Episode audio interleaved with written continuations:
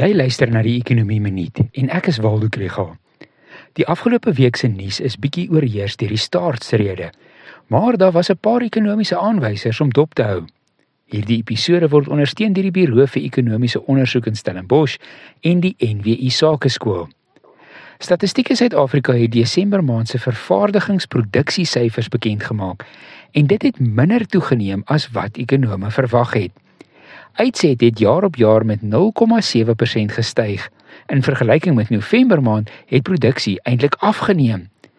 Onder subsektore was die vinnigste groei in die bedryf vir kooks en petroleumprodukte. Die produksie in parte en bykomstighede het die grootste inkrimping beleef. Ons weet dat Absa en die Buro se aankope bestuurdersindeks was in Januarie maand 'n negatiewe terrein. Maar hulle aanwyser is net vir die vervaardigingsbedryf. S&P Global se aankope bestuurdersindeks verteenwoordig meer bedrywe en vertel 'n soortgelyke storie van swak vraag op 49.2 punte. Aankope bestuurders het aangedui dat nuwe bestellings skerp afgeneem het. Uitset het afgeneem as gevolg van insettekorte wat veroorsaak is deur die krisis by die Durban hawe.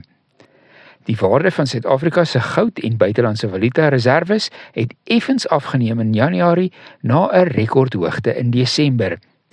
Hierdie week word data bekend gemaak oor mynbouproduksie en kleinhandelverkope in Desember.